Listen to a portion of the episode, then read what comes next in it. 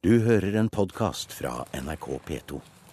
Nå står vi langt oppe i lia her, Dag, og vi ser utover et, et landskap som er et fjordlandskap, på en måte, plutselig midt inne i Telemark her. Ja, her er vi i Bandak eh, og, og, ser ut i Vibandakfjorden. Og ned under oss så ligger, ligger, dalen. Og vi ser jo ned på Lastein brygge, brygga på dalen, som er der kanalen og, og trafikken slutter da. Vi lar endestasjonen for Telemarkskanalen langt der nede i Bandagfjorden ligge for denne gangen, og kaster heller øynene over fjell og skog og en knudrete gammel ferdselsvei som vi går på sammen med direktør Dag Rorgemoen fra Vest-Telemark museum. Nå er vi på vei oppover til Husmannsplassen på Rui. Her har det blitt båret mye tungt. Her går mange kløv og sleder med stein og mye varer opp og ned i berget. Ja. Her hører vi på lyden at vi skal over en liten bro her. Og det er jo flott eh, oppbygd her også. Ja, familien Hauklesæter tok ikke veldig godt vare på, på eh, Ruiplassen. Og det er jo veldig mange som kommer her for å, for å se staden. Ja. I dette programmet skal vi ta en liten tur rundt i det terrenget og den historien som man ikke kan se fra Telemarkskanalen, men som er en så viktig del av historien til denne delen av Telemark.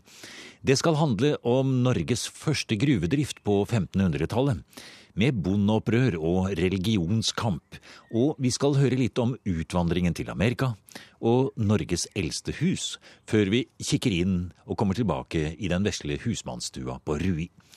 Men Telemarkskanalen kommer vi ikke utenom, sier Dag Rorgemoen. Der vi står på tunet til det nye, flotte Vest-Telemark museum i Eidsborg. Helt flunkende nytt med glass, naturstein og tre som møter stavkirke og laft. Men veien fram, europavei eller ikke, er svingete, smal og bratt. Og sånn har det alltid vært i denne delen av Telemark. Så vannveien var god å ha, nær sagt fra tidenes morgen ja, Vassveien, Telemarksvassdraget og, og, kanalen har jo vært eh, ei, ei ferdselsåre og, og, for både transport av folk og, og ikke minst varer. Eh, langt, langt tilbake. Det er den virkelig historiske europaveien. Mm. Vi har en spesiell eh, historie her i bygda, f.eks. med Brynesteinen som eh, allerede vikingene eh, frakta med seg ut i Europa eh, i skipet sine. Så i mer enn 1000 år så har Vassveien vært bruka til transport. Og så ble vassdraget kanalisert i to etapper, og, hele veien opp til, dalen ble åpna i 1892. Og Telemarksvassdraget og, og, kanalen har vært en veldig viktig eh, transportvei og, og vei inn til, til kjernen av, av, eh, området her. Vest-Telemark museum består av elleve forskjellige museer, fra Vinjestoga og Dyrevås skulpturer via Kviteseid og Morgedal og Øyfjell og Myllarheimen og flere andre. Her på Eidsborg står det 30 bygninger, med stavkirken og Stålekleivloftet som de mest spesielle. Og inne i den flotte utstillingen er det nesten vondt å gå så raskt forbi to fallosteiner, husguder i tre, fantastisk treskurd, rosemaling og kunsthåndverk.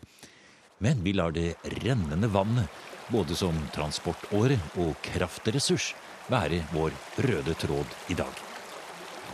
Og når vi går gjennom utstillingen, så er det jo ikke slik i dag at dette bare handler om den eldre tiden og rosemalingen og brukskunsten. For plutselig så står vi midt inne i Statkrafts verden, altså. Ja. ja, vi har samarbeid med Statkraft. De har visningssenter her. Det er vi veldig eh, glade for. Eh, Statkraft er en viktig virksomhet her. og eh, kraftutbyggingen, i. det det gjorde med Vest-Telemark, altså det er den største samfunnsrevolusjonen som har vært her. Du eh, kommenterte eh, smale, kronglete veier.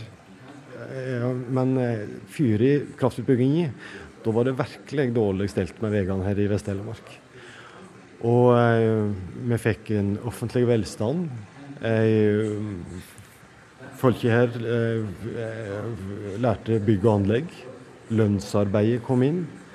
Eh, altså det, det var en så gjennomgripende samfunnsendring som skjedde med kraftutbygging fra 1956 og framover, at eh, jeg tror mange er vanskelig for å skjønne det i dag. Og se her, her har vi en annen. Her har vi en annen stor eh, del av industrien i distriktet. For her står vi jo midt i brynesteinsbruddet.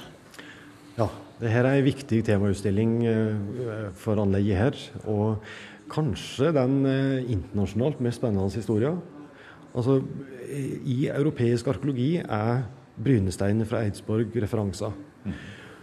Og eh, allerede fra 1000-tallet så dominerer Espøksteinen handelsnettverket som var rundt Nordsjøområdet. Og det er en lang historie, og for en, en viktig råvare ut, være med å binde Telemark sammen som fylke. Framveksten av Skien som by er spesiell. Er, det er en by er, og en handelsplass som er grodd naturlig fram pga. Eh, vassdraget. Og en av de mest stabile varene, og de varene med lengst historie, det er brynesteinen. Og eh, fyre i kanaliseringen, så var det eh, mange fosser og stryk og etapper her som, som en måtte laste om f.eks. brynesteinen. Og det ga sysselsetting til mange, og, og eh, kasta òg eh, fortjeneste på mange nevi. Altså, Arkeologene snakker om flere bomstasjoner nede ved mm. vassdraget, der det var fosser, og de måtte i land, bære om. Det passa grunneieren på at de måtte legge igjen litt eh, avgifter. Direktør Dag Rorgemoen på Vest-Telemark museum tar oss med ned på kirkegården ved Eidsborg stavkirke. Det er en helt spesiell stein han vil vise oss. Men først peker han utover dalen og forteller om alle de små brukene og rydningsrøysene og slitet som fulgte med når ny jord skulle brytes utover på 1700-tallet. For så lang tid tok det etter svartedauden før folketallet begynte å stige, sier historiker Rorgemoen. Svartedauden ga gav en alvorlig knekk. Og ser vi f.eks. ute ved bygda her og, og gårdene, så eh, det, det, er veldig få hus, nye hus som ble bygd i de første 100 årene etter, etter svartedauden, for her var mye ledig plass. Men på 1700-tallet så begynner det å vokse, og, og, det eksploderer og videre. Og gårdene her de ble delt opp. Vi får opp i gard og ni gard, opp i støg og ni støg osv. Og, og vi får òg framveksten av husmannsvesenet. Ja, livet blir hardere, rett og slett. Gårdene blir mindre, slitet øker. Det er en arbeidsintensiv periode. Man skulle jo tro da at man ville flytte herfra. Ja, men alternativet var ikke mange. Og, og gjengen inn i kirkebøkene og ser, så er det veldig lite flytting ut av regionen. Eh, en flytter internt i, mellom bygdene her og tar stadig mer og mer marginal jord i bruk. Men så åpner alternativet seg. Altså med Amerika. De første reiser herifra i 1837. Og ifra 1840 og fram til 1930 så er folketallet, folketallet her helt flatt. Hele Iviskøtet reiser til Amerika. Og det som er rart, det er at de ikke reiser noen annen sted. Det kan virke som at det er, det er ikke et reelt alternativ å, å reise til Kristiania, f.eks. Um, jeg skrev høyfagsoppgave om, om utvandring, og kom til det at det, det var et langt større kulturelt eh, sprang, rett og slett, å reise til Kristiania enn det var å, å flytte til Midtvesten. For det var jo et slit de reiste til der borte også? Ja, de begynte på bøtten. De måtte brote nytt land. og det er bare det med å ha redskap og, og for å klare seg det, De flyttelassene som de drog med seg herifra, kvensteiner, mm. eh, smiredskap. Eh, de måtte ha så de klara seg der borte. Mm. Og det må ha vært knalltøft de, de første periodene til de fikk etablere seg. Men noen ble jo selvfølgelig også værende. De fleste ble jo værende, selvfølgelig. Og det var også en og annen som kunne komme hit. Og det er en grunn til at vi står her på kirkegården ved Eidsborg stavkirke blant de gamle gravstøttene og ser rundt oss her. Og det er en litt spesiell historie som vi, som vi nå skal begynne å nøste litt på.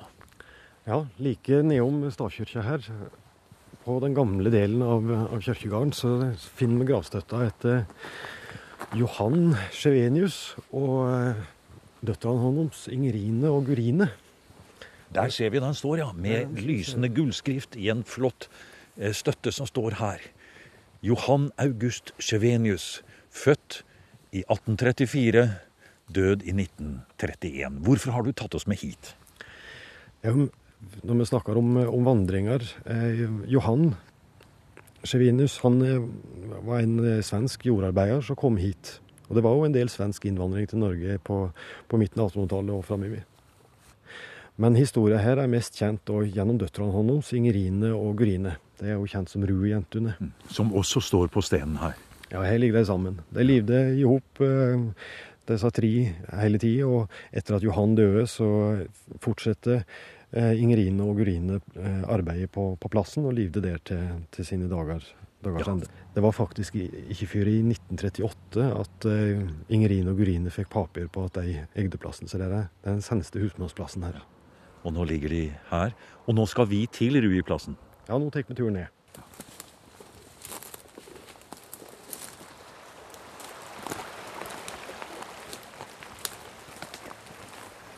Her var ferdselsveien. Så det er- Når du går veien her, så ser du at det er fint oppmura mange steder. Og, og veien er jo kallet oppe nå som en veldig populær turvei. Så det er hever tur, merka tursti fra museet og ned hit. Ja. Så det er veldig populært. Nå ser du plassen Ja. og støga fram der. Så her kom Sjevenius, da. Her kom han i 1870-åra. Og eh, han var jordbruksarbeider og var kjent for å være veldig eh, flink til å arbeide. Og, og drev på så veldig mye av rydningsrøysene og det som er stelt opp her, er nok fra, fra hans eh, da. Her slo de og stelte, samla de fôret de kunne. og De berga seg sjave på plassen her. Har vel en tre kyr og noen sauer og geit og noen høner. Og se på den utsikten. Hvis de hadde kunnet sette litt av den i banken, så hadde de vært rike. Ja, det kan du si. Det er synd du ikke har kamera med deg. Ja. Her er det gjester òg. Ja. Her har vi Lisette. Etter at Rui-jentene døde, er det familien Hauklisæter som helt privat og med stort engasjement har passet på den vesle stua og hegnet om minnet etter Rui-jentene. Nå er det Lisette Hauklisæter som tar imot ute på tunet. Når jeg begynner å prate, så dør det med en gang. Hvor, hvor kommer du fra, spør jeg meg. da, jeg, jeg kommer fra Nederland. Ja. Jeg har kjent de gamle damen. ja. For jeg kom hit til um, Norge i 55. Og da, jeg har et bilde. Skal finne et bilde? ja, vi kan gå inn og se. Ja. Ja. Og hvordan er det i dag? Står, står plassen og stua her slik som den alltid har vært? Som, som må alltid være. Ja. Nå går vi inn her i en lav krak og kommer inn i rommet her. Ja, for et flott sted. Og det var jo ikke akkurat så god plass her. Nei. Og det bodde her da, de to. Men det har bodd her seks barn og foreldre. Hvordan var eh, Rui-jentene, slik som du husker dem? Som jeg husker dem, ja, de, var- de, var, de var veldig små. Ja. Men det var, man glemte det etter en stund at de var så små. Så de, de var veldig trivelige, og de, var, de likte å fortelle, og de likte å, å, å prate med andre. Og, det, og de inviterte bestandig på kaffe. ja. Ja. Og det var her i den lille stua vi står i her, og derfor du ser det er så mange kopper der borte. Å ja, se der, ja. Her står en hylle. Og borte på den lille benken her så ser jeg det står et fantastisk bilde. Vi får lyset fra vinduet her. Her står det en liten stol og et slitt, et slitt skrivebord og en symaskin. Vi legger den ned her. Ja, Det ser ut som noen eh, på 1300-tallet som går gjennom terrenget. En krokrygget gammel dame foran med et skaut og noen slitte klær og noen sko og en stokk hun holder seg på. Det ser ut som tiden har stått stille i 700 år. Ja, det er noen ordentlige eventyrfigurer, de to. Ja.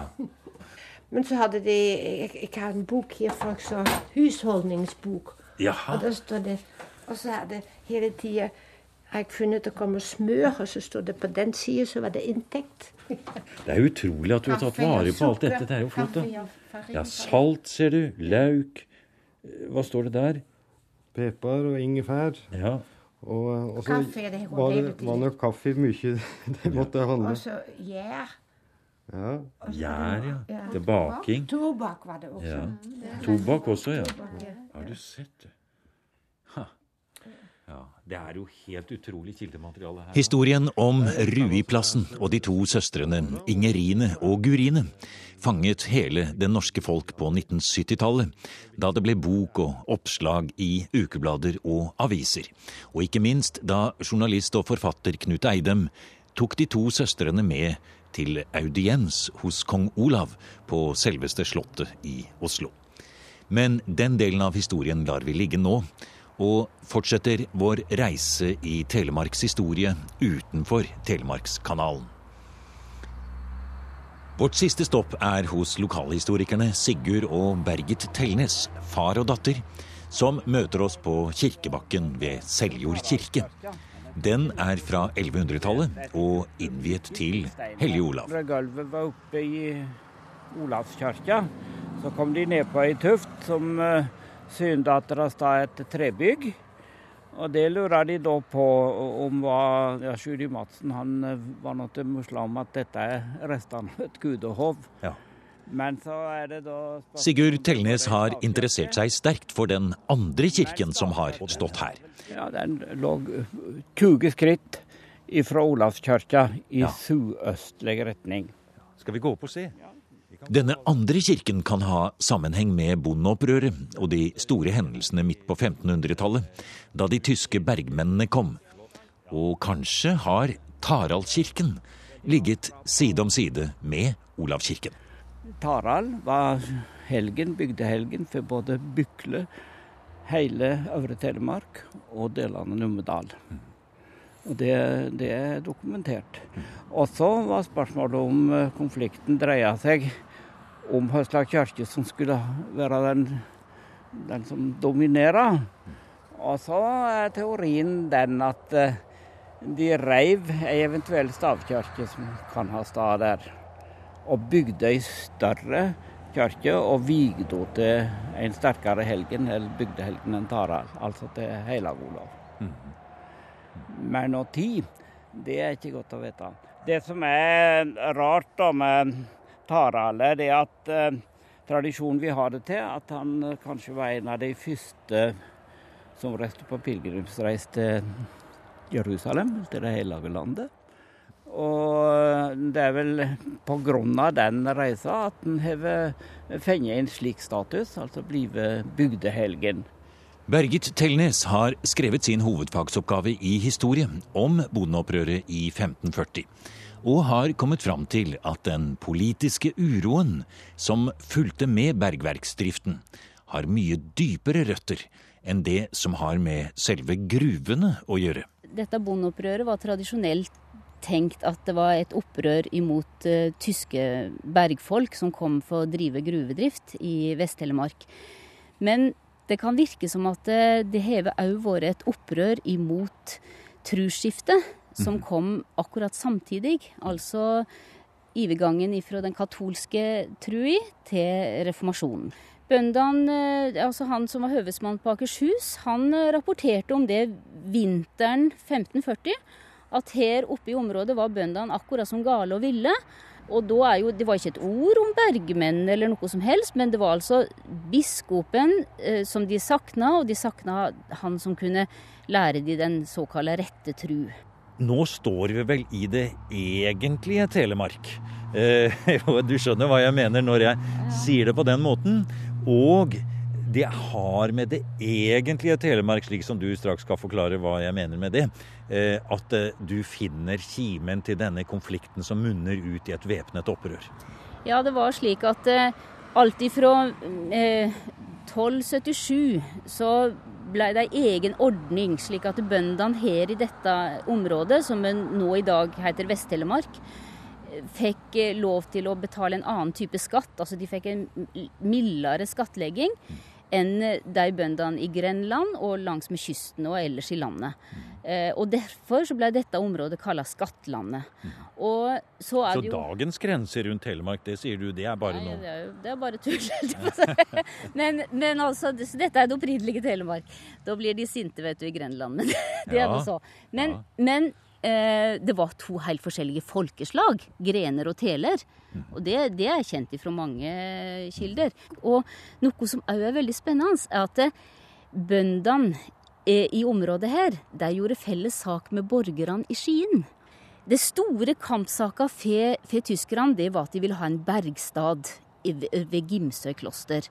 Men Skien var en veldig blomstrende by, og de ville slettes ikke ha noe bergstad på Gimsøy. Og der, det, skjer, det kan vi se av kildene, at bøndene fra indre deler av Telemark og skiensborgerne gjorde felles sak. Den væpnede delen av opprøret fant sted da kongens hæravdeling møtte opprørsflokken ved Hjartdal i 1540, og endte med at opprørslederne enten ble fengslet eller drept, uten at det hadde foregått noen direkte trefning.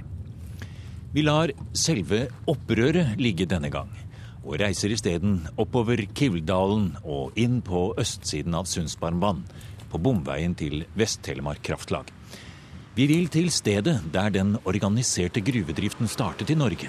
80 år før sølvverket på Kongsberg, og nesten 100 år før kobberverket på Røros.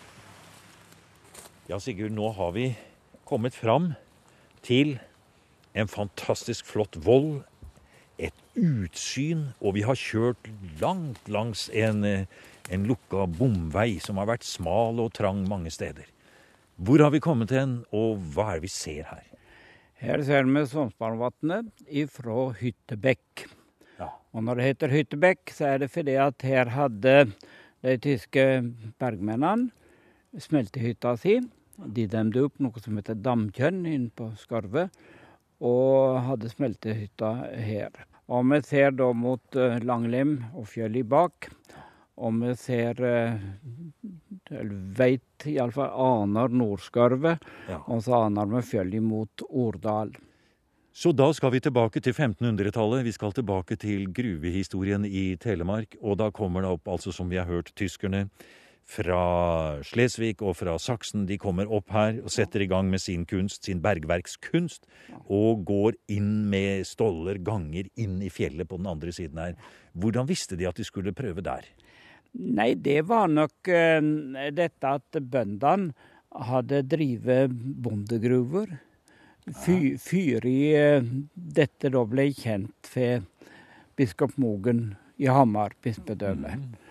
Mm. Og han fikk altså tillatelse, eller skaffa seg tillatelse fra danskekongen til å mm. drive disse gruvene ved Sundsbarnvatnet i Telemark. Ja. Og han fikk òg til og med rett til å slå mynt. Og Hvordan gikk eh, driften her, Berget, Bergit, på andre siden her? Hva Ble det lønnsomt? Nei, det ble det aller. Eh, det, det som jeg har undersøkt, det er de første elleve åra. Og det ble ikke lønnsomt i det hele tatt. Eh, men det var jo gjort et elendig forarbeid òg, da. Det var ikke bygd noe hus for disse her eh, tyskerne som kom oppi. Det var ikke ordna skikkelig med mat. og eh, liksom Forholdene var ikke lagt til rette, og vinteren kom veldig fort. Og her er ganske mye sno om vinteren i disse områdene. Så Hans Glaser skrev da fortvila til kongen at snoen sto de opp under armene, ja. og de dreiv og bala på. Men de dreiv på, da, og prøva seg. Og her som vi står nå, på Hyttebekk, her var altså selve smeltehytta. Men det måtte vel også, malmen måtte vel knuses, den måtte bearbeides. Og den skulle også, som Sigurd fortalte, ros over Sundsbarvannet her fra den andre siden.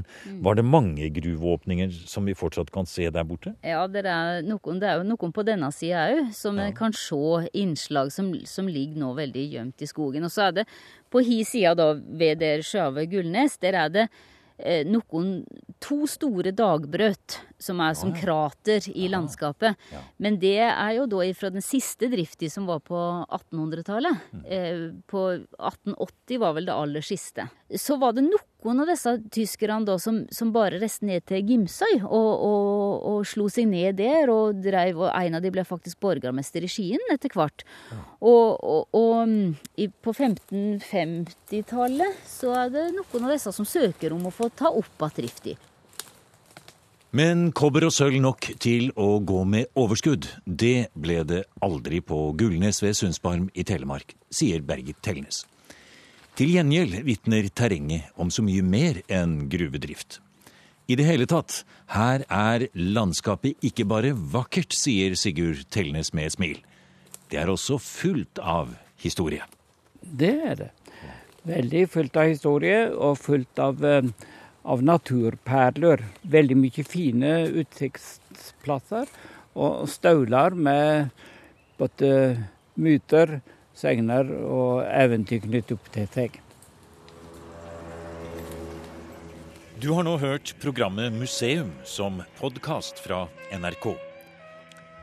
Museum sendes i NRK P2 på lørdager klokken 16 og søndag morgen klokken 8. E-postadressen er museum.krøllalfa.nrk.no. Og nå har museum også en side på Facebook.